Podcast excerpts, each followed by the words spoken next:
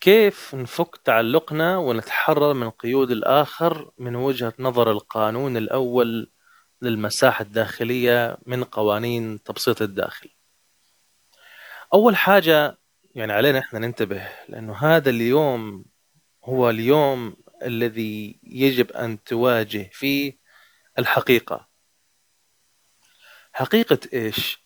حقيقة آه، إنه ما يطرح في الساحة حول فك التعلق هو طرح غير عملي طرح غير أخلاقي طرح غير علمي.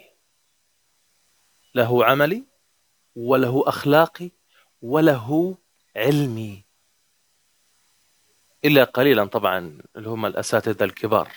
وهدول ما يقولوا هذا الكلام لكن المنتشر للأسف الصوت الأعلى بكثير هو فك التعلق إنه خلاص أنت آه اترك الشخص هذا فك التعلق منه اهمله لا تعطيه وجه مثل ما يقولوا تجاهله خلاص عيش حياتك حب ذاتك حب ذاتك بمعنى إيه؟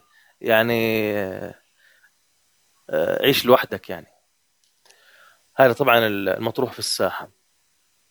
لكن هو الصحيح إنه إذا أنت حابب تفك التعلق وتتحرر من قيود الآخر هو المطلوب إنك تعلي تأثير يعني توجه هذا التأثير إليك لك أنت يعني. وجه هذا التأثير إليك أنت. يعني إذا في تأثير علينا نوجه.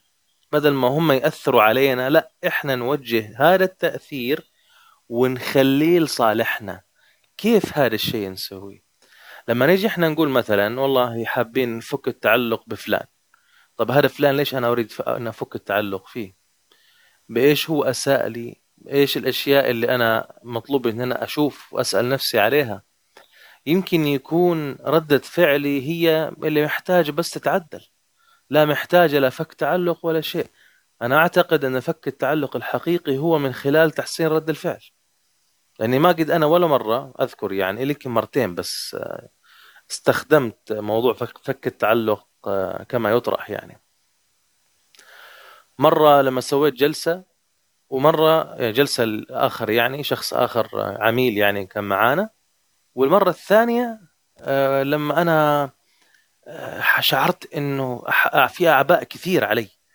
فقررت في هذا اليوم إن أنا أفك التعلق بالكل يعني بكل الناس بالدنيا كلها يعني. وبصراحة ما استفدت منها يعني. فعشان كده ماني شايفها شيء عملي. الصحيح هو تحسين رد الفعل. لما أجي أنا أفك التعلق إذا أنا قاعد أتكلم عن تحسين رد الفعل. أنا بتحرر معناته أنا أتكلم عن توسيع الداخل توسيع فك الحدود. هي مش محتاجة توسيع هي أصلا في مساحة لا نهائية بس إحنا بنقول توسيع بمعنى إنه نفك الحدود نشيل الحدود. هذه هي الحرية.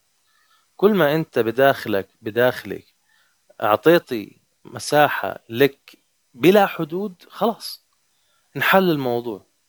طب كيف الواحد ممكن فعلا يشيل هذه الحدود بداخله؟ يعني مثلا بدل ما أنا أشخصن الموضوع هذا حد. لما واحد يشخصن الفكرة يعني ياخذ الموضوع على محمل شخصي هذه من أهم الأسباب التي تضع حدود داخل الإنسان. إن أنا لما أتكلم مع الشخص آخذ الموضوع على محمل شخصي. رمى كلمة مش حلوة حطيتها على محمل شخصي. ذكر معلومة عني أنا في الغياب وبعدين عرفت هذا على محمل شخص طب الحل إيه هنا؟ الحل هو إذا أنت فعلا حاب تفك التعلق ابدأها فيك أنت. من خلال فصل الفعل عن الفاعل. هذا هو فك التعلق الحقيقي. ان أنا أفصل الفعل عن الفاعل. أنا ماليش دعوة بأسماء أنا لي دعوة بفعل أسماء. أنا لي أنا راح أهتم بفعل أسماء. ما لي دعوة بأسماء. أسماء كويسة زي الفل وكل حاجة بس الفعل هذا ما عجبني. أوكي؟ هذه الطريقة هي اللي تساعد جدا إنه الإنسان يقدر يتعامل ويستمتع بحياته من خلال هذه النقطة. إني أنا إيش؟ قاعد أركز على الفعل ما بركز على الفاعل. أي شخص يركز على الفاعل فهو معرض للتعلق به.